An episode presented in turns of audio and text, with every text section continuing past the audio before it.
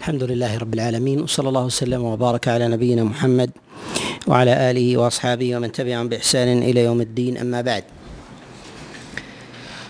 فهذا هو المجلس الثالث من مجالس شرح حديث عثمان وذلك في صفة وضوء رسول الله صلى الله عليه وسلم وهو في اليوم الثاني والعشرين من شهر ذي القعدة من العام السادس والثلاثين بعد الأربعمائة والألف. ونشرع بإذن الله عز وجل في شيء من الأحكام المتعلقة بذلك بحسب الروايات التي توقفنا عندها. نقول في آه، قوله آه، هنا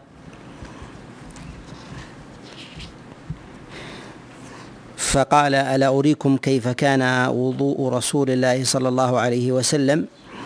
آه، نقول في هذه الرواية هي قد أخرجها الإمام أحمد من حديث رجل من الأنصار عن أبيه عن رسول الله صلى الله عليه وسلم وفي إسنادها جهالة. ولكن يدل على معناها يدل على معناها مجموع الحديث وذلك أن الحديث إنما جاء في مساق تعليم عثمان للناس سواء كانوا من الصحابة أو كانوا من التابعين وضوء رسول الله صلى الله عليه وسلم.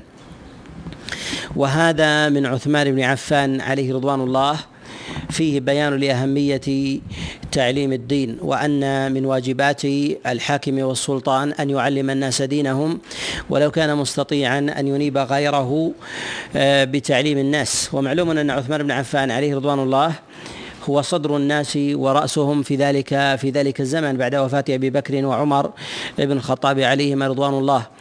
ومع ذلك تصدر إلى تصدر إلى تعليم الناس الوضوء. إلى تعليم الناس الوضوء مع إمكانه مع إمكانه أن يأمر غيره ممن أدرك النبي عليه الصلاة والسلام وشهده لأعوام. ومعلوم أنه قد شهد مع عثمان النبي صلى الله عليه وسلم أناس كثير. وقد جاء في بعض الروايات أنه ممن شهد وحضر صفة وضوء رسول الله وضوء عثمان عن رسول الله صلى الله عليه وسلم جماعة من الصحابة كعلي بن أبي طالب وطلحة وسعد بن أبي وقاص وغيرهم من علية الصحابة. فكان فكان يستطيع عثمان أن يأمر واحدا منهم أن يعلم الناس. ولكن آه، حفظ الدين وتعليم الناس هي من أولى وأولى الواجبات على السلطان والحاكم. ثم أيضا إن الحاكم إذا علم الناس ووجههم آه، إلى شريعة الله وكذلك إلى بيان أحكام الله سبحانه وتعالى فإن ذلك يغرس تعظيما للدين في نفوس العامة.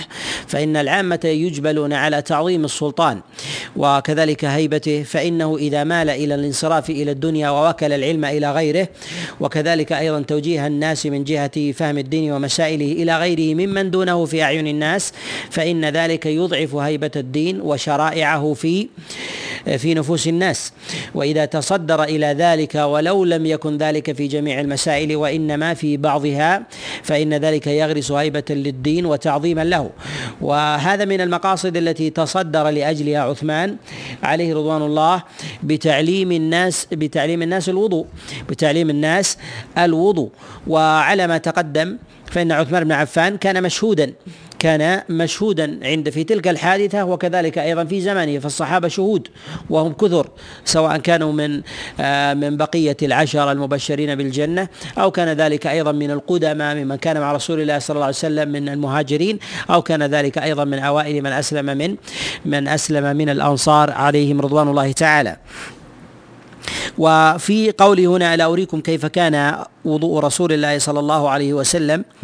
آه هذا يتضمن يتضمن آه، بعض المعاني منها أن عثمان بن عفان كان قاصدا للوضوء ولكن هل آه، يصح من الإنسان أن أن يجمع نيتين وهو أن أن يعلم غيره وكذلك أن ينوي الوضوء لاستحلال عبادة الاستحلال لاستحلال عبادة؟ نقول لا حرج في ذلك وهو يجزئ وهو يجزئ عن الصلاة. فمن علم غيره الوضوء أو أراد أن يتيمم معلما لغيره وهو ينوي أن يستحل بذلك عبادة وأن يرفع الحدث عن نفسه فإن ذلك يسقط عنه. وهذا الذي عليه عامه عامة العلماء. وثمة قول مرجوح في ذلك إلى أن الإنسان إذا قصد التعليم إذا قصد التعليم فإنه لا يجزئ عنه أنه لا يجزئ لا يجزئ عنه حتى ينفرد ب حتى ينفرد برفع الحدث وهذا وهذا قول يخالف يخالف الأصول وما عليه وما عليه السلف وما تعضده كذلك أيضا وما تعضده كذلك أيضا الأدلة. في شروع عثمان بن عفان عليه رضوان الله في البداءة هنا في أنهم يريهم وضوء رسول الله صلى الله عليه وسلم آه، يعني كما كما رآه وحفظه وحفظه عنه. آه، لم يذكر عثمان بن عفان آه، ما كان مما لا يدخل في ماهية الوضوء وحقيقته فثمة أحكام شرعية وسنن وآداب وكذلك أيضا تشريعات تتعلق بالوضوء هي سابقة لصفة الوضوء لم يذكرها عثمان بن عفان وهي لا تتعلق به. وهذا لا يعني لا يعني عدم المشروعية. لا يعني عدم المشروعية. وإنما نقول إنما أراد عثمان بن عفان عليه رضوان الله هو أن يبين صفة وضوء وضوء رسول الله صلى الله عليه وسلم من أوله إلى إلى منتهى. وأوله في ذلك وأوله في ذلك أن يشرع الإنسان بغسل كفيه. أن يشرع الإنسان بغسل بغسل كفيه. وهذا ما فعله عثمان بن عفان عليه رضوانه وهو شبيه بالصلاة.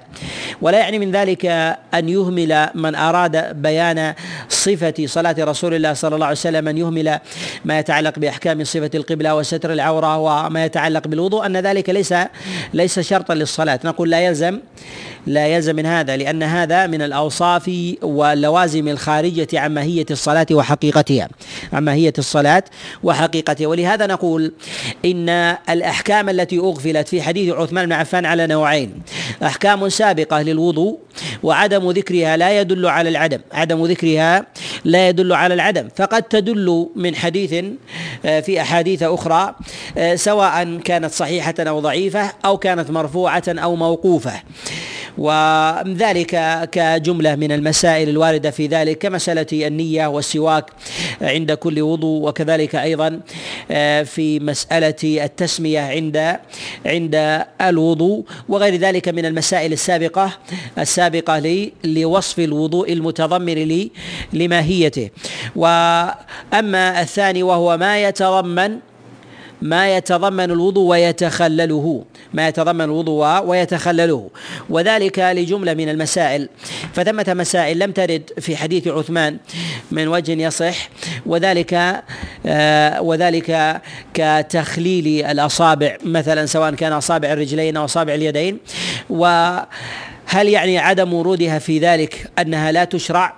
نقول إنما أراد عثمان بن عفان عليه رضوان الله هو أن يبين صفة وضوء رسول الله صلى الله عليه وسلم التي يستديمها التي يستديمها، أما على النوع الأول فنقول إن عدم ورود ما جاء عن عثمان بن عفان عليه رضوان الله فيما يتعلق فيما يتعلق بالمسائل السابقة للوضوء إن عدم ورودها لا يدل على العدم ولا يعني ضعفا لها ولا أيضا تهويلا لشأنها باعتبار أنها ليست ليست من ماهية الوضوء الذي قصد له عثمان عليه رضوان الله تعالى في روايته. وأما ما كان من ماهية الوضوء وأغفله عثمان بن عفان فإننا نقول إن الأصل فيه أنه لا يشرع وليس بسنة. إنه لا يشرع وليس وليس بسنة. وهذا هو الأصل ولكنه ليس بمضطرد. ولكنه ليس ليس بمضطرد. وما ثبت وما ثبت بالدليل عن رسول الله صلى الله عليه وسلم مما لم يرد في رواية من حديث عثمان مما وصفه عن رسول الله صلى الله عليه وسلم فلو صح فإن النبي لا يفعله غالبا وإلا لفعله عثمان. لو صح نقول إن النبي عليه الصلاة والسلام لا يفعله غالبا وإلا لفعله عثمان ومن ذلك ما يتعلق ما يتعلق بمسألة تخليل الأصابع. تخليل تخليل الأصابع سواء كانت أصابع أصابع الرجلين أو أصابع أو أصابع اليدين.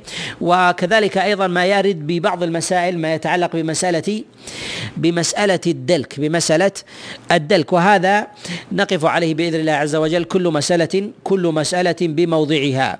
أما ما يتعلق بالمسائل السابقة أما ما يتعلق بالمسائل السابقة لمسألة لمسألة آه، صفة الوضوء فذكرنا جملة منها منها ما يتعلق بالنية والسواك وكذلك أيضا التسمية وكذلك أيضا ما يتعلق بمقدار الماء ومقدار الماء قد جاء في حديث عثمان والسابق له باعتباره هو أقرب أقرب السنن اتصالا بصفة الوضوء لتعلقه به جاء جاء بالنص وجاء ببعض ببعض الروايات.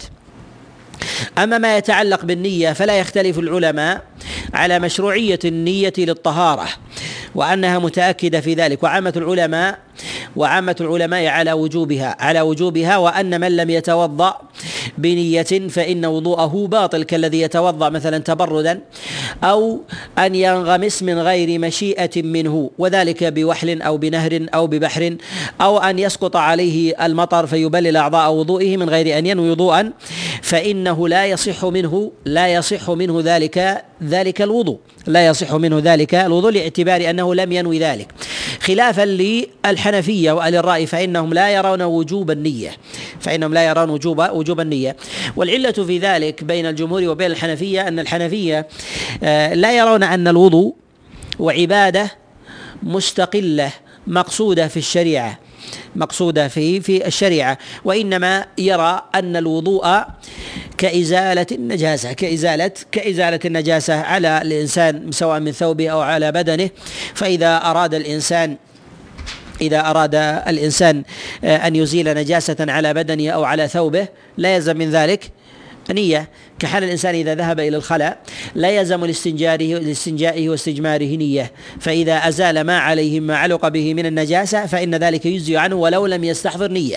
ولو لم يستحضر يستحضر نية. وعلى هذا نقول إن النية مشروعة وإنما الخلاف في وجوبها ووجوبها ووجوبها صحيح. ووجوبها ووجوبها صحيح. وذلك تعضده الأدلة تعضده الأدلة العامة كما جاء آه، عن رسول الله صلى الله عليه وسلم في حديث عمر إنما الأعمال بالنيات ومن أظهر الأعمال ما يتعلق بالصلاة. وآكد آه، شروط الصلاة هو الوضوء آكد أو من آكد شروط الصلاة هو هو الوضوء فتجب فيه فتجب فيه فيه النية. ثم أيضا الإنسان لا يمكن أن يتحقق له الامتثال. لا يمكن أن يتحقق له تمام الامتثال إلا إلا بحضور نية. وذلك أن الإنسان إذا توضأ آه، من غير نية لا يكون في الغالب ممتثلا على سبيل الانتظام في الوضوء. فإن الوضوء له انتظام له انتظام وله ترتيب له ترتيب في ذلك. ولكن ربما أيضا يلتزم الحنفية في ذلك باعتبار أنهم لا يرون وجوب الترتيب في الوضوء على ما يأتي الاشاره ما تأتي الإشارة إليه بإذن الله عز وجل. ومن المسائل السابقه السابقة للوضوء والسواك وقد جاء ذلك عن رسول الله صلى الله عليه وسلم في أحاديث في أحاديث كثيرة والسواك عند عند الوضوء سنه ولا خلاف عند العلماء في ذلك ولا خلاف عند العلماء في ذلك وإنما يختلفون في بعض فروع هذه المسألة ومن فروعها في محل السواك من الوضوء في محل السواك من الوضوء. وقد جاء رسول الله صلى الله عليه وسلم أحاديث كثيرة أنه كان يستاك عند صلاته سواء من فعله أو كان ذلك من قوله أو كان ذلك من من قوله. ومن ذلك ما جاء في الصحيح من حديث أبي هريرة أن رسول الله صلى الله عليه وسلم قال لولا أن أشق على أمتي لأمرتهم بالسواك عند كل صلاة. وفي رواية مع كل مع كل صلاة.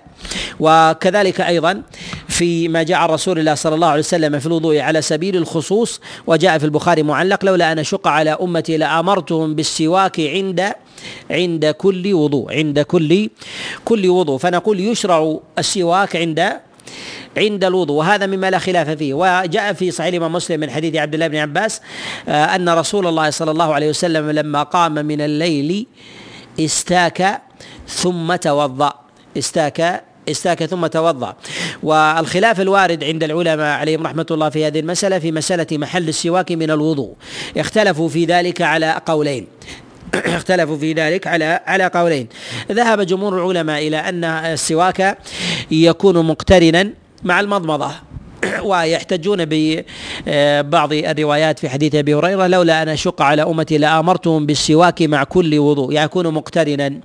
وما يكون مقترنا في ذلك الإنسان آه، ما يتعلق بالسواك يتعلق بالفم واللي يقترن بعضو الفم هو المضمضة هو المضمضة. وذلك أن الإنسان لا ينشغل بوضوئه بوضوئه مثلا بغسل وجهه أو بغسل أو بقدميه أو يديه آه، ويستطيع أن يجمع بين السواك وبينه وبين ذلك. ولكن ولكن قالوا بأنه يستاك مع كل وضوء. وذهب بعض العلماء وهو قول لبعض الفقهاء سواء كانوا من آه، من من أصحاب أحمد أو كان ذلك أيضا من أصحاب مالك والشافعي وغيرهم إلى أن السنة في ذلك أن يكون سابقا للوضوء أن يكون سابقا للوضوء قبل الشروع فيه. وهذا هو الأظهر.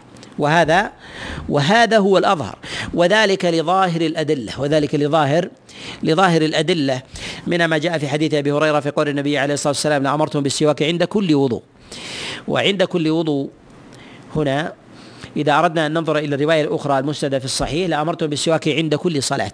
عند كل صلاة يكون قبل الصلاة لا يتسوق في أثنائها لا يتسوق في أثنائها وسياق الحديثين واحد وسياق الحديثين واحد. ثم أيضا في حديث عبد الله بن عباس في صحيح الإمام مسلم أن النبي عليه الصلاة والسلام توضأ استاك ثم توضأ استاك ثم ثم توضأ. وكذلك أيضا جاء من حديث علي بن أبي طالب عليه رضوان الله تعالى صح عنه موقوفا.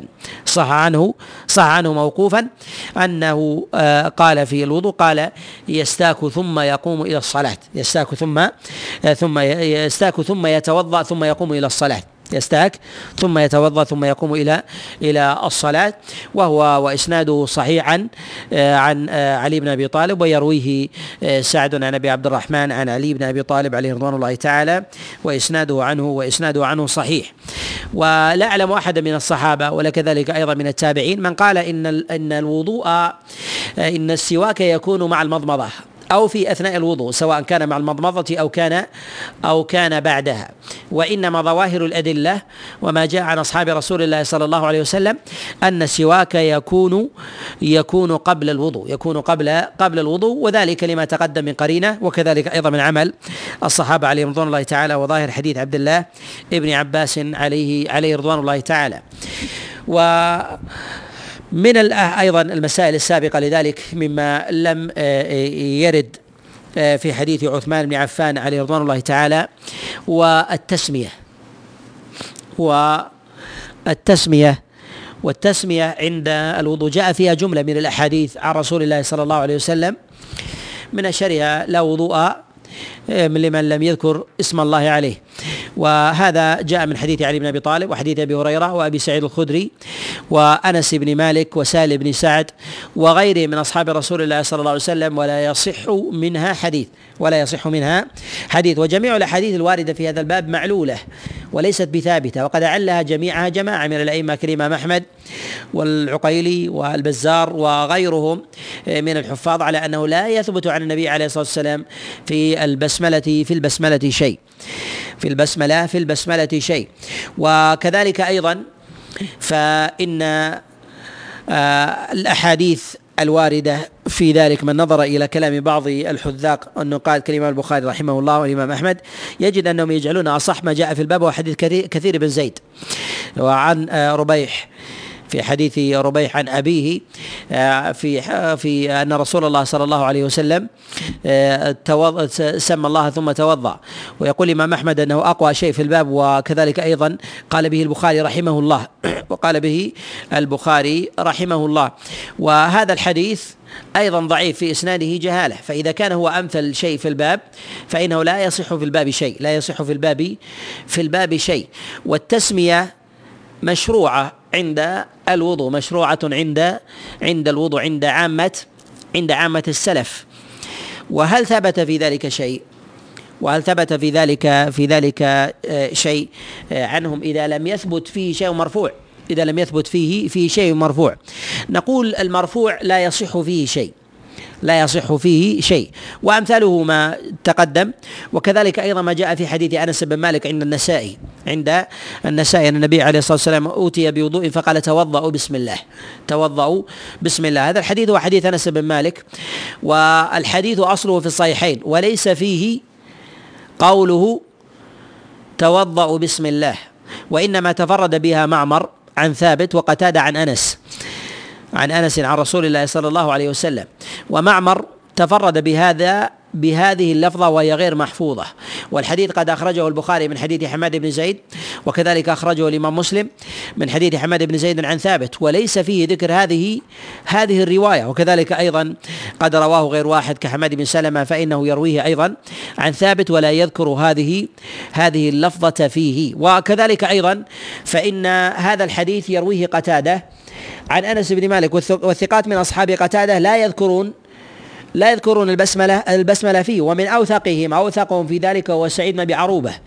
كما جاء في الصحيحين فإنه يروي هذا الحديث عن قتادة عن أنس بن مالك ولا يذكر التسمية فيه.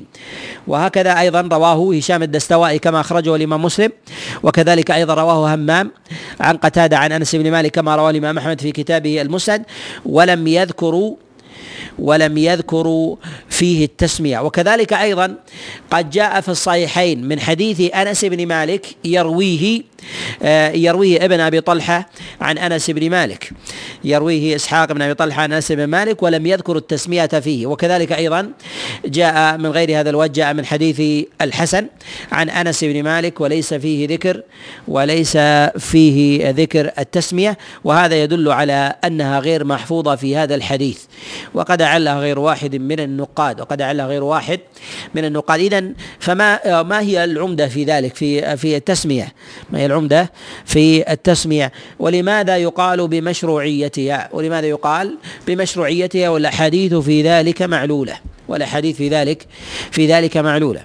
نقول قد صح عن عمر بن الخطاب عليه رضوان الله تعالى أنه كان أنه كان يسمي عند غسله وإسناده صحيح. وهذا أقوى ما جاء في الموقوف عن أصحاب رسول الله صلى الله عليه وسلم واعلاه قد رواه ابن المنذر في كتابه الأوسط من حديث عطاء قال أخبرني صفوان بن يعلى بن أمية أن عن أبيه أنه كان أن عمر بن الخطاب كان يغتسل ويستتر ببعير ويستتر ببعير قال فسمعته يقول بسم الله فسمعته يقول بسم الله وإسناده عن عمر بن الخطاب عليه رضي الله تعالى صحيح ويرويه عن ويرويه آه، عن عطاء يرويه عن عطاء ابن جريج ويرويه عن ابن جريج آه، سعيد بن سالم القداح ويرويه محمد بن بكر البصري كلاهما عن ابن جريج كلاهما عن ابن جريج فرواه مسندا. ولكن قد رواه الإمام مالك رحمه الله في كتابه الموطأ عن حميد بن قيس فأرسله. وهل آه، الأصح في ذلك المرسل؟ أم؟ أم المتصل في ذلك؟ نقول ابن جريج هو أضبط لحديث عطاء من حميد بن قيس. وعطاء إمام مكي و ابن جريج هو من أخص أصحابه ومن أخص أصحابه وابن جريج هو أضبط وأثبت أيضا لحديث لحديث عطاء آه، من آه، من غيره. من غيره من من المدنيين غالبا. ونقول في ذلك إن الرواية في ذلك صحيحة وكذلك أيضا الرواة في ذلك عن ابن جريج. الرواة في ذلك عن ابن جريج آه، يتعاضدان ومحلهما الصدق. وهذا أمثل شيء جاء في في التسمية. وهذا أمثل جاء شيء جاء في التسمية في الموقوف عن أصحاب رسول الله صلى الله عليه وسلم. كذلك أيضا يؤخذ بالمجموع الوارد في ذلك. يؤخذ بالمجموع الوارد في ذلك ما يدل على هذا الأصل. ما يدل على هذا على هذا الأصل. وهل التسمية في ذلك سنة أم واجبة؟ عامة العلماء على أنها سنة. ولا يحفظ عن أحد من أصحاب النبي عليه الصلاة والسلام ولا كذلك أيضا من التابعين. ولا من أتباع التابعين من قال بأن التسمية واجب عند عند الوضوء. وإنما هو قول لإسحاق بن راهوية. ورواية الإمام أحمد رحمه الله والثابت عنه من وجوه متعددة أنه لا يقول بالوجوب. أنه لا يقول لا يقول بالوجوب. لا يقول بالوجوب. ومن الأمور المهمة هنا يعني أنه ينبغي لطالب العلم ان أن يدرك أن المسائل الظاهرة بما يتعلق بمسائل الوضوء والصلاة أنها إذا لم يسبق إلى القائل بها آه لم يسبق إلى القائل بها آه أحد من الحجازيين وخاصة أهل المدينة فإن القائل بذلك مخالف للسنة. فإن القائل بذلك مخالف مخالف للسنة. فيما يتعلق بأحكام الوضوء وما يتعلق بأحكام الصلاة المفروضة على سبيل الخصوص على سبيل الخصوص. لماذا نقول إنه مخالف للسنة؟ مخالف للسنة لأن هذه من الأعمال الظاهرة الجلية التي تكون في اليوم مرات. ولا يمكن أن تفوت على على طبقة وإن آه، وإن لم تذكر عن طبقة فتذكر في الطبقة التي تليها. فتذكر في الطبقة التي تليها. وأما أهل الآفاق فقد ينفردون ببعض المسائل في غير في غير مسائل الطهارة مما يتعلق بالوضوء آه، بغير الوضوء وكذلك أيضا بغير أحكام الصلاة المفروضة. بغير أحكام الصلاة المفروضة. أما ما يتعلق بأحكام الصلاة المفروضة فإن مدارها على الحجاز وخاصة على المدنيين. فإذا جاء عن أحد من الآفاقيين قول من الأقوال في آه هذه آه في أمثال هذه المسائل في أمثال هذه المسائل فهو فأقل أحواله أنه أنه مرجوح إذا لم يكن ضعيفا أو أو شاذا مطروحا ضعيفا أو شاذا أو مطروحا ومنها ما يتعلق بالقول بمسألة وجوب التسمية. مسألة وجوب؟ وجوب التسمية وهي من المسائل الظاهرة وكذلك أيضا لأنها أقرب صلة بمباشرة الوضوء فإن الإنسان يسمي قبل أو عند شروعه عند شروعه بخلاف عقد النية فإنها ربما تسبق بوقت تسبق بوقت. كذلك أيضا السواك فإن التسمية يكون تكون تكون بعد بعد سواك سواك الإنسان غالبا فهي أظهر من جهة النقل فهي أظهر من جهة من جهة النقل.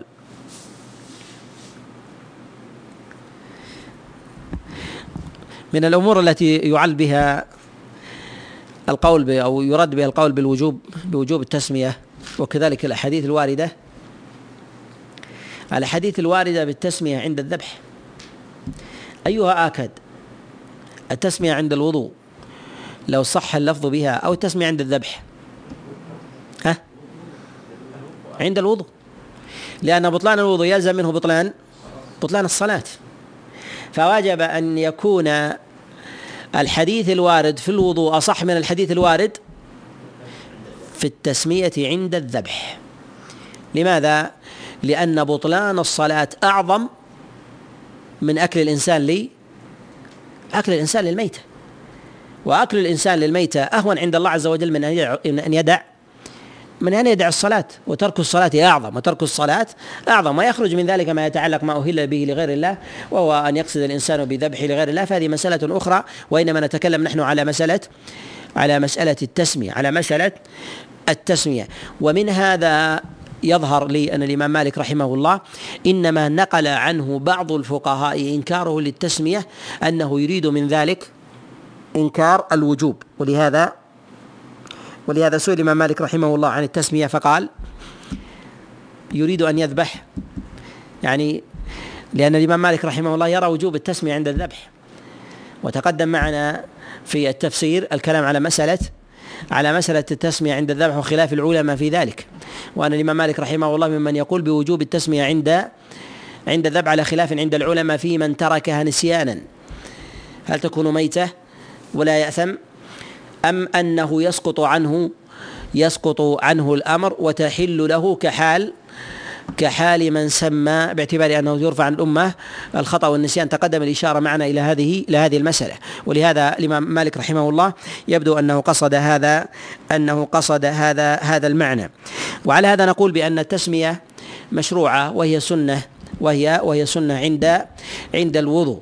وذلك لأن النبي صلى الله عليه وسلم أرشد إلى سنة الخلفاء الراشدين. وكذلك أيضا نجد أن المسألة فيها شبه إجماع من جهة من جهة العمل وأن الأحاديث الواردة في ذلك تدل على على تأكيد تأكيد الأمر. ولو لم تصح فإن إنكارها من جهة الإسناد وكذلك أيضا من جهة من جهة الوجوب فيها. بعض الفقهاء من أهل المدينة يرى أن الأحاديث الواردة في ذلك أنه لا وضوء لمن لم يذكر اسم الله عليه أن المراد بذلك النية. أن المراد بذلك بذلك النية. وهذا جاء عن ربيعة الرأي. وهذا جاء عن ربيعة ربيعة الرأي أنه يقول أن المراد بهذه الأحاديث بالتسمية المراد بذلك هو عقد النية هو عقد عقد النية. وفي ذلك آه، ربما يقصد آه، ربيعة والتشبيه بمسألة التسمية بأمر الله عز وجل التسمية عند الذبح. فإن الله عز وجل أمر بالتسمية عند الذبح ونهى عن أكل ما لم يذكر اسم الله عليه والعلة في ذلك على قول بعض العلماء أن الله عز وجل إنما أمر بالتسمية لا لعين لا لعينها وإنما لمنافاة القصد الذي كان يفعله كفار قريش من الذبح لاصنامهم لأصنامهم. وأن من تحقق منه القصد فقد تحقق منه المشروع. فقد تحقق منه المشروع. ونقول إن هذا لو أريد من ربيعة لكان فيه نظر. لكان فيه فيه نظر. والسبب في ذلك أنه لا يحفظ من وجه في رواية أن كفار قريش كانوا يتعبدون بالوضوء لغير الله أو أنهم يفعلون هذا هذه العبادة قبل قبل صلاتهم على الوصف المشروع ويذكرون عليها اسم غير الله حتى يقال بأن اللفظ جاء جاء في ذلك كما جاء في الذبح. وعلى هذا نقول إن هذا الحمل فيه إن هذا الحمل فيه فيه نظر. والمسائل التي جاء الكلام فيها فيها قبل الوضوء هي مسائل متعددة. منها ما يتصل بالوضوء ومنها ما لا يتصل به ومنه ما يشترك في الصورة الظاهرة ويأتي الإشارة ويأتي الإشارة إليه بإذن الله بإذن الله تعالى. مما يتعلق بمسألة آه، مما يتعلق آه، بمسألة الكفين آه، غسل الكفين قبل قبل إدخالهما.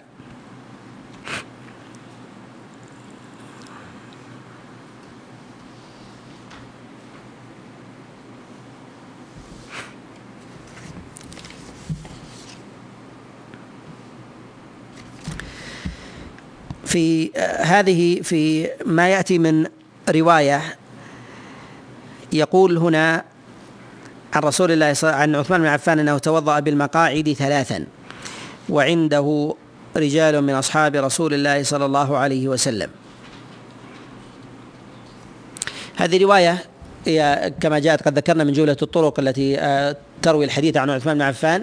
هي رواية أبي أنس مالك بن أبي عامر عن عثمان بن عفان عن رسول الله صلى الله عليه وسلم. وهذه رواية هي أيضا عند في في الصحيح.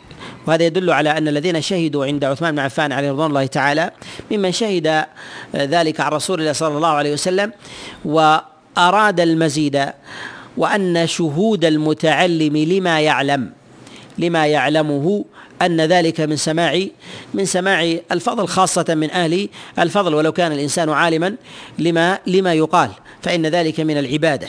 ذلك من من العبادة. وأما تسمية من جاء في ذلك أنه ممن حضر أنه علي وطلحة والزبير وكذلك أيضا سعد بن أبي وقاص فلا يثبت تسميه تسمية هؤلاء تسمية هؤلاء. ولكن نقول ان إن ورودهم إن ورودهم محتمل. وعدم ذكر الرواة الثقات لهم في ذلك باعتبار أنهم لا صلة لهم لا صلة لهم في ذلك وإنما ضعف للجهالة في في الإسناد إنه يروى من حديث رجل عن عثمان ابن عفان كما جاء عند أبي عبيد وغيره. وهنا في هذا الحديث في قوله توضأ بالمقاعد ثلاثا تقدم الكلام على مسألة المقاعد. والمراد بذلك هي الأماكن التي يقعد بها وهي وهي البلاط أو بباب المسجد على ما تقدم الإشارة على ما تقدم الإشارة الإشارة إليه. هنا في قوله توضأ ثلاثا ثلاثا يعني غسل أعضاءه كل عضو ثلاث مرات كل عضو ثلاث ثلاث مرات. التثليث في الوضوء سنة قد جاء فيها الدليل عن رسول الله صلى الله عليه وسلم وقد جاءت الأدلة في ذلك منها في حديث عثمان هذا وهو في الصحيحين. وكذلك أيضا جاء عن رسول الله صلى الله عليه وسلم من حديث علي بن أبي طالب أن النبي عليه الصلاة والسلام غسل ثلاثا ثلاثا وكذلك أيضا جاء من حديث الربيع بنت معوذ بن عفراء آه، عن رسول الله صلى الله عليه وسلم. وكذلك أيضا جاء من حديث عمرو بن شعيب عن أبيه عن جده أن النبي صلى الله عليه وسلم كان يتوضأ ثلاثا ثلاثا وهو عند عند أبي داود. داود. وجاء النبي عليه الصلاة والسلام أنه توضأ مرتين مرتين كما جاء في حديث عبد الله بن زيد وهو في الصحيحين. وجاء أن النبي عليه الصلاة والسلام توضأ مرة مرة في حديث عبد الله بن عباس وهو أيضا وهو أيضا في الصحيح. فنقول إن آه، العدد جاء عن رسول الله صلى الله عليه وسلم. جاء عن النبي عليه الصلاة والسلام. والرواية في ذلك مستفيضة. الرواية في ذلك في ذلك مستفيضة. و وأما المقاصد التي لأجلها جاء العدد عن رسول الله صلى الله عليه وسلم. المقاصد التي لأجلها جاء جاء العدد.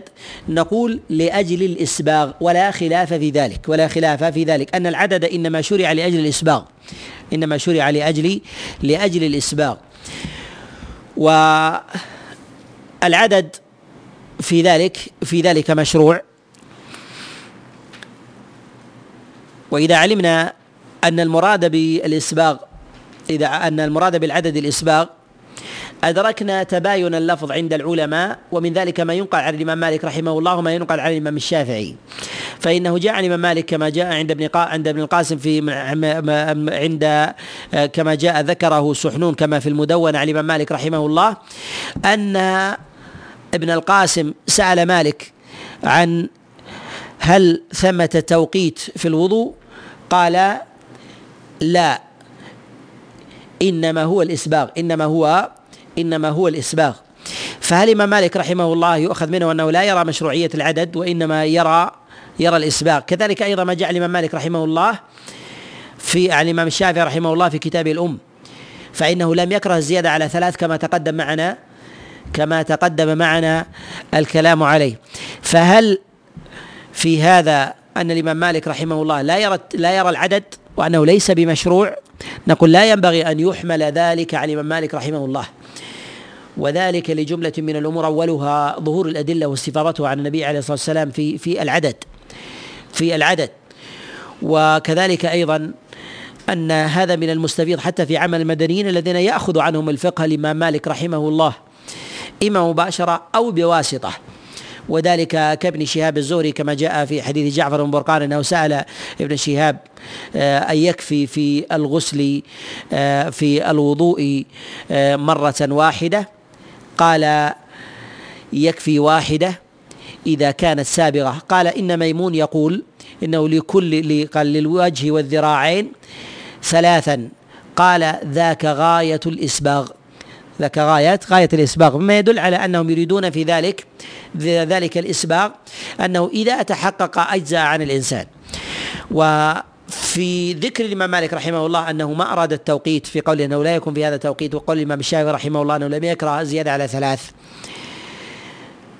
هل يعني من ذلك أن العدد في ذلك في ذاته لا يشرع وإنما يشرع الإسباغ مجردا؟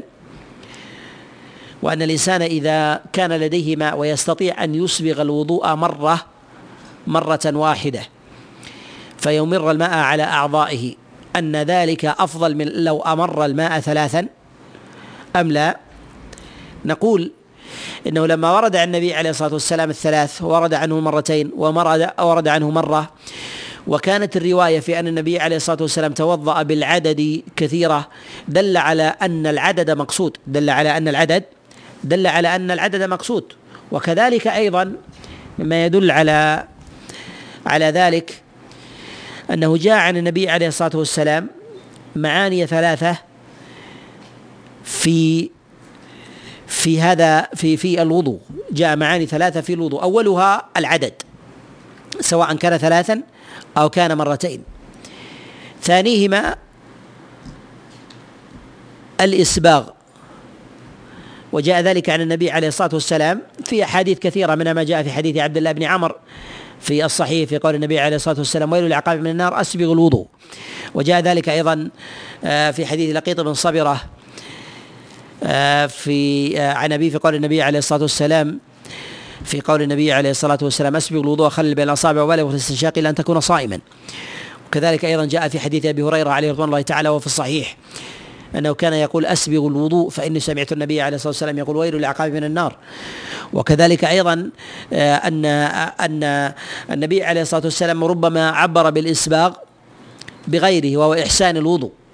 كما جاء في حديث أبي هريرة في الصحيحين النبي عليه الصلاة والسلام قال إن الرجل إذا أحسن الوضوء إن الرجل إذا أحسن الوضوء المراد بذلك هو هو الإسباغ هو هو الإسباغ. فهذا هو هذا هو آكدها هذا هو هو آكدها. فإذا قلنا إن ما جاء النبي عليه الصلاة والسلام جاء في ذلك العدد وجاء في ذلك الإسباغ الثالث مقدار الماء الذي يتوضأ به وهو المد أو ثلثي مد كما جاء النبي عليه الصلاة والسلام وتقدم الإشارة فيه. هذه الثلاثة هذه الثلاثة آكدها الإسباغ هذه الثلاثة آكدها آكدها الإسباغ. وإذا لم يتحقق الإسباغ إلا بزيادة بالزيادة على مد فإن فإنه يزيد عن المد. وإذا كان لا يتحقق الإسباغ إلا بالزيادة عن ثلاث يزيد عن ثلاث. يزيد عن عن ثلاث.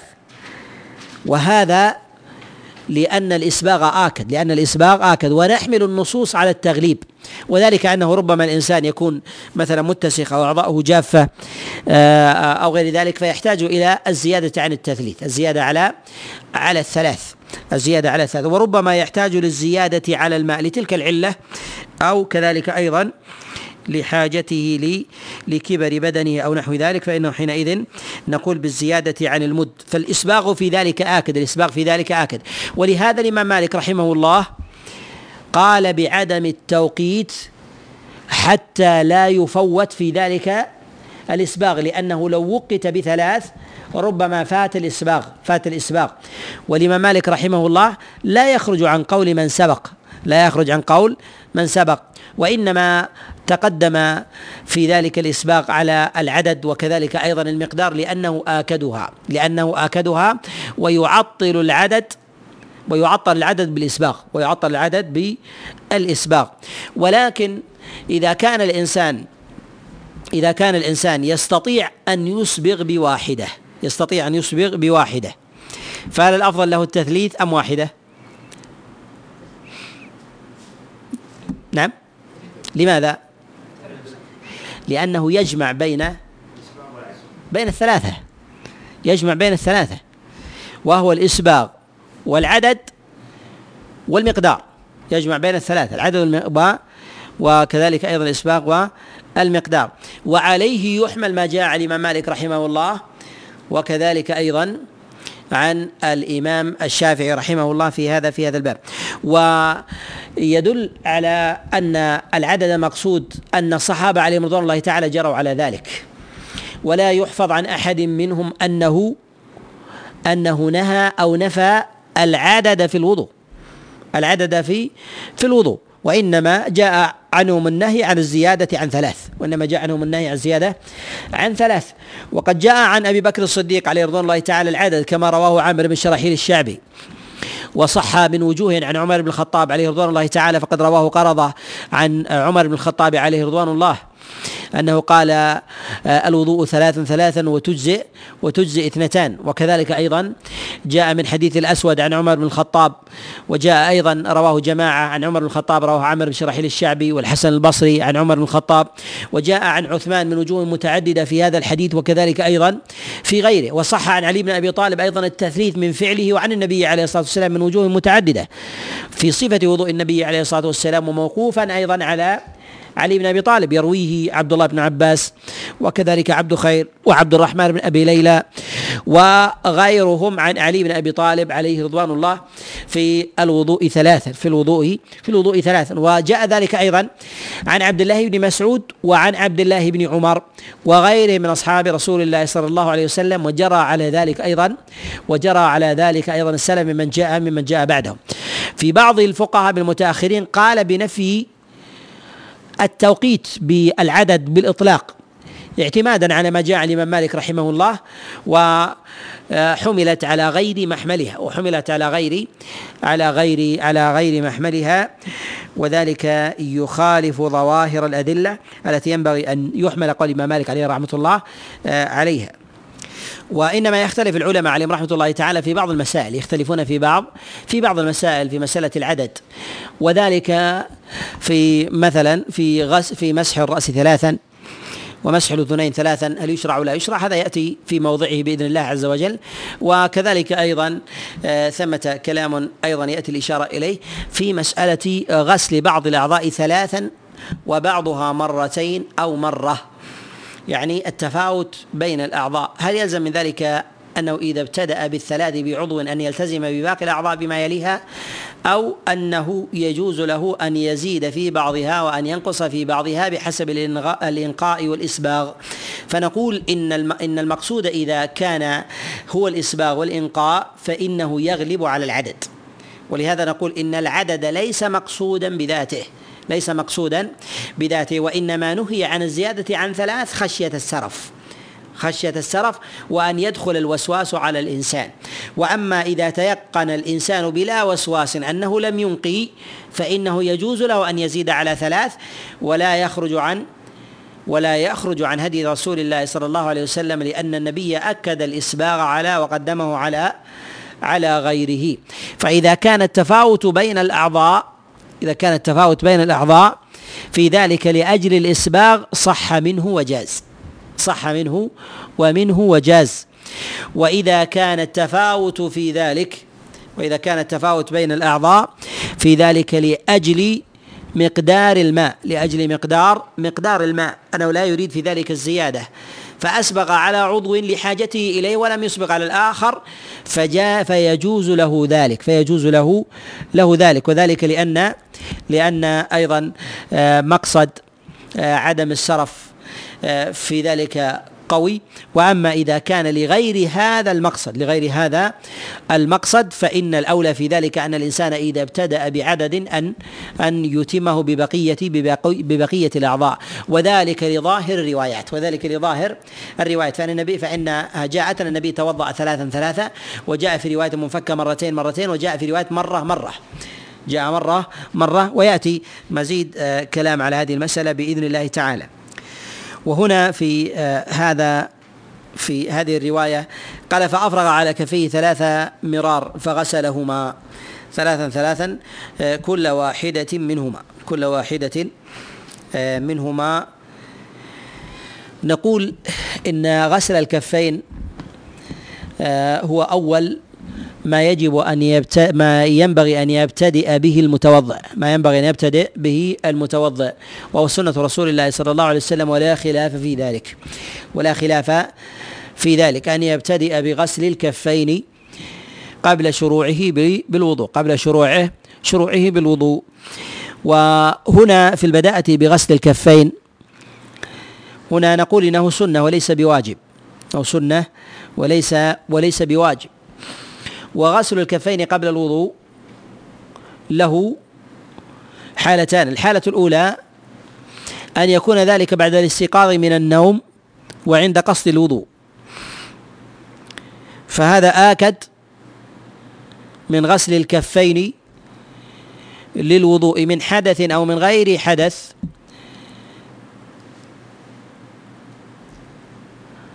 من غير الاستيقاظ من النوم وذلك لأن النبي صلى الله عليه وسلم يقول كما جاء في الصحيحين من حديث أبي هريرة إذا استيقظ أحدكم من نومه فلا يغمس يده في الإناء حتى يغسلها ثلاثا فإنه لا يدري أين باتت يده.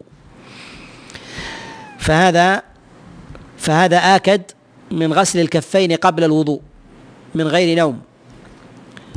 وبالاتفاق إن باتفاق أنه آكد أنه آكد منه ويستحب له أن يغسلها ثلاثا لظاهر الدليل. لظاهر لظاهر الدليل.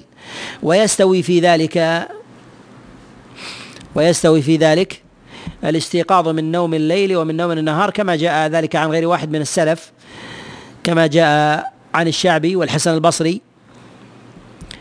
وأيضا في كلام جماعة من الأئمة من الفقهاء عدم التفريق ومنهم من يفرق. وذلك أن في حديث أبي هريرة فإنه لا يدري أين باتت يده والمبيت يكون بالليل. وجاء في رواية قد أخرج الإمام مسلم إسنادها ولم يخرج متنها وأخرج أبو داود متنها إذا استيقظ أحدكم من نوم الليل فذكر لفظة الليل وهي غير محفوظة في الحديث وإن كانت معلومة في السياق لأن البيتوتة تكون بالليل. نقول إنه لا فرق بين نوم الليل ونوم النهار للاشتراك بالعلة والحديث جرى مجرى الغالب. لأن العلة في ذلك لا يدري أين باتت يده. وهذا يشترك فيه نوم الليل ونوم النهار. وكذلك أيضا فإن الحديث إنما جرى مجرى الغالب لأن غالب نوم الناس هو في الليل. وأما النهار ينام بعضا ولا ينام البعض الآخر. فجرى على التغليب فجرى على على التغليب والمقصد النوم والمقصد في ذلك هو هو النوم.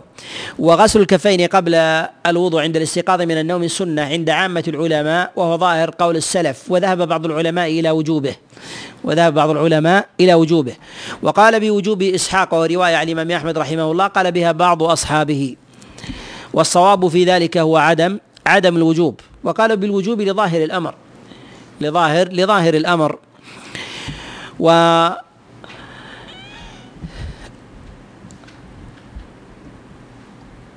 والعلة في في ذلك في آه، الغسل في ظاهر أن أن المراد هو تطهير اليد مما يلحقها إما من نجس أو من قدر من نجس أو أو من قدر. والحديث في حديث أبي هريرة في الصحيحين وكذلك أيضا من حديث جاء من حديث سالم عن عبد الله بن عمر في غسل اليدين عند الاستيقاظ من النوم قبل وضعهما في الإناء أن هذا أن هذا لتنقية اليد من القدر والنجس من القدر والنجس. وإذا أدركنا هذه العلة وهي ظاهرة في هذا الحديث لا يدري أين باتت يده. إذا أدركنا هذه العلة ندرك أنه لا فرق بين الماء القليل والماء الكثير. بين الماء القليل والماء والماء الكثير كما يفرق بعض الفقهاء من المالكية وغيرهم. الذين يجعلون الماء الكثير لا يغسل منه. وكذلك أيضا سواء كان من أنهار أو بحار أو كان ذلك من سواقي كبيرة أنه لا يغسل كفيه. نقول الحكم يتعلق بالكف لا يتعلق بالإناء مجردا. لا يتعلق بالإناء بالإناء مجردا. فإن الإنسان يغسل كفيه ليزيل ما بهما لأن ما بعد ما بعد الكفين هو أن يتمضمض ويستنشق ويغسل وجهه فهو يطهر يديه لما بعدهما يطهر يديه لما لما بعدهما. وإذا كان في ماء نهر أو بحر آه، أو آه، أو بركة أو سواقي أو عيون أو نحو ذلك فإن الماء فإن علة حفظ الماء في ذلك ترتفع ويبقى ما يتعلق باليد ويبقى ما يتعلق باليد ولهذا نقول إنه متأكد للأمرين ما يتعلق بالماء وما يتعلق أيضا للكف وكلما كان قليلا فهو آكد لماذا؟ لأن الإنسان إذا غسل كفيه آه، غسل كفيه عند الاستيقاظ من النوم آه، بالماء قبل غمسهما في الإناء فإنه يطهرهما عند وضعهما في الإناء ولكن يخفف في ذلك في مسألة الغمس. إذا أراد الإنسان أن إذا أراد الإنسان أن يغمس يده في بركة أو في نهر أو نحو ذلك نقول لا يغمسها في الإناء ويغمسها في النهر لأن علة تنجيس الماء ارتفعت في النهر والبحر وعلة وعلة آه، تنقية اليد تبقى. ولهذا نقول إن الأصل في ذلك أن الأصل في ذلك آه، أنه يغسلها على كل على كل حال. و ثمة فروع لهذه المسألة في من في من غمس يده بالإناء آه، قبل أن يغسلها ثلاثا. آه، ماذا يفعل في الإناء هل يريقه أم لا؟ وروي عن بعضهم كما جاء عن الحسن أنه يراق. وهذا قول آه، لم يسبق إليه لم يسبق إليه الحسن. وجاء عنه خلاف هذه هذه الرواية جاء عنه خلاف هذه الرواية. وأظن أن لأن الإراقة لا تثبت عنه.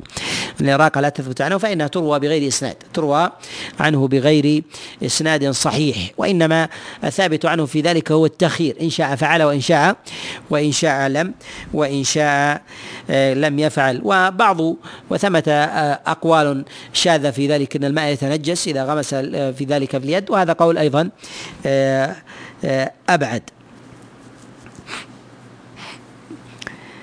الثاني و غسل اليدين من غير من غير الاستيقاظ من النوم وعند إرادة الوضوء سواء كان لحدث أو لغير حدث. سواء كان لحدث أو لغير أو لغير حدث. فنقول هذا سنة ولم يقل أحد بوجوبه ولم يقل أحد بوجوبه بخلاف المسألة السابقة. وهو السنة أن يغسلها ثلاثا كذلك. أن يغسلها ثلاثا ثلاثا كذلك. والأولى آكد على ما تقدم الإشارة الإشارة إليه. ويظهر أن الأولى منفكة عن الوضوء والثانية متصلة به. الأولى التي بعد الاستيقاظ من النوم منفكة عن الوضوء والثانية متصلة به. وهذا يدل على أن غسل الكفين في في بداءة الوضوء سنة وليس بواجب. أنه سنة وليس وليس بواجب. فمن قام من نوم الليل ثم غسل كفيه من غير قصد الوضوء ثم أراد أن يتوضأ. أجزأه الغسل الأول أجزأه الغسل الغسل الأول. أو غسل كفيه وأنقاهما ثم لم يتوضأ إلا بعد ذلك. ثم لم يتوضأ إلا إلا بعد ذلك. أجزأه الغسل الأول أجزأه الغسل الغسل الأول إذا كان العهد قريبا وإذا كان بعيدا سن له أن يغسل كفيه تبعا للوضوء كما جاء في صفة وضوء النبي عليه الصلاة والسلام سواء كان في حديث عثمان أو في غيره. هنا قال فأفرغ على كفيه ثلاث مرار فغسلهما ثلاثا ثلاثا كل واحدة منهما كل واحدة منهما. وغسل الكفين آه، قبل الوضوء سنة. وهذا باتفاق العلماء باتفاق باتفاق العلماء ومن غسل كفيه في بداءة الوضوء يجب عليه أن يغسلهما جميعا من أطراف الأصابع إلى المرافق بعد غسله لوجهه بعد غسله لوجهه. وهل يجزئ عنه غسل كفيه في ابتداء وضوئه عن عن استيعاب غسل يديه جميعا؟ فيبدأ بالغسل من كوعه إلى مرفقه. فنقول في ذلك إن جماهير العلماء على أنه لا يجزي عنه لأن الأولى سنة والثانية فرض. لأن الأولى سنة والثانية فرض. والسنة لم ترد في ظاهر القرآن وإنما وردت الثانية. وذهب أهل الرأي إلى أنه يجزئ عنه. إلى أنه يجزئ عنه. وقولهم ذلك هو فرع عن قولهم بإسقاط الترتيب. فرع عن قولهم بإسقاط الترتيب فلا يرون الترتيب. فلا حرج لديهم أن الإنسان إذا غسل عضوا قبل عضو أو بعض عضو قبل عضو ثم أراد أن يتدارك نصف السابق بعد اللاحق فلا حرج عليه في ذلك. فمن غسل يديه إلى إلى الكوعين ثم أراد أن يغسل من الكوعين إلى المرفقين بعد ذلك جاز والصواب في ذلك عدم الجواز. لأن الأولى لو تركها ما ضره في وضوئه ولكنه يجب عليه أن يغسل بعد ذلك يجب عليه أن يغسل أن يغسل بعد ذلك. وأما الكوعان فهما أطول في وهو أصل أصل الإبهام. الكوع هو أصل أصل الإبهام ينتهي من هنا ومفصل الكف. ومفصل الكف من جهة إصبع الإبهام يسمى بالكوع. وهو الموضع الذي تبتدئ به الكف وكذلك أيضا يكون بداية بداية الذراع ومنه يكون قطع يد السارق. و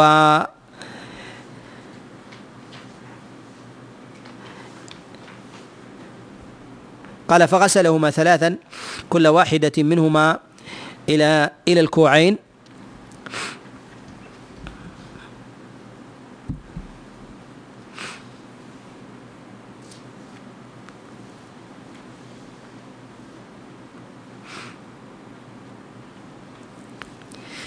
بعض الرواة لا يذكر الكوعين في في الحديث وذلك لأن المقصود في ذلك ظاهر. أن المقصود في ذلك في ذلك ظاهر. وقد جاء ذكر الكوعين عند أبي داود في كتابه السنن من حديث أبي علقمة عن عثمان ابن عفان عليه رضوان الله. وهذا يدل على أن بعض الرواة ربما يتعمد ذكر آه، يتعمد ترك بعض الروايات لأنها معلومة. لأنها معلومة مدركة وأن ما يغسل في ابتداء الوضوء هو أن يغسل الإنسان الإنسان الكفين. وذكر الكوعين في حديث عثمان ضعيف. وذكر الكوعين في حديث عثمان وضعيف وذلك أنه قد تفرد به عبيد الله بن أبي زياد. عبيد الله بن أبي ابن أبي زياد. عن عبد الله بن عبيد بن عمير عن أبي علقمة عن عثمان بن عفان وعبيد الله بن أبي زياد وضعيف ضعيف الحديث. ونتوقف عند هذا القدر ونكمل بإذن الله عز وجل في المجلس القادم وصلى الله وسلم وبارك على نبينا محمد وعلى آله وأصحابه ومن تبعهم بإحسان إلى يوم الدين.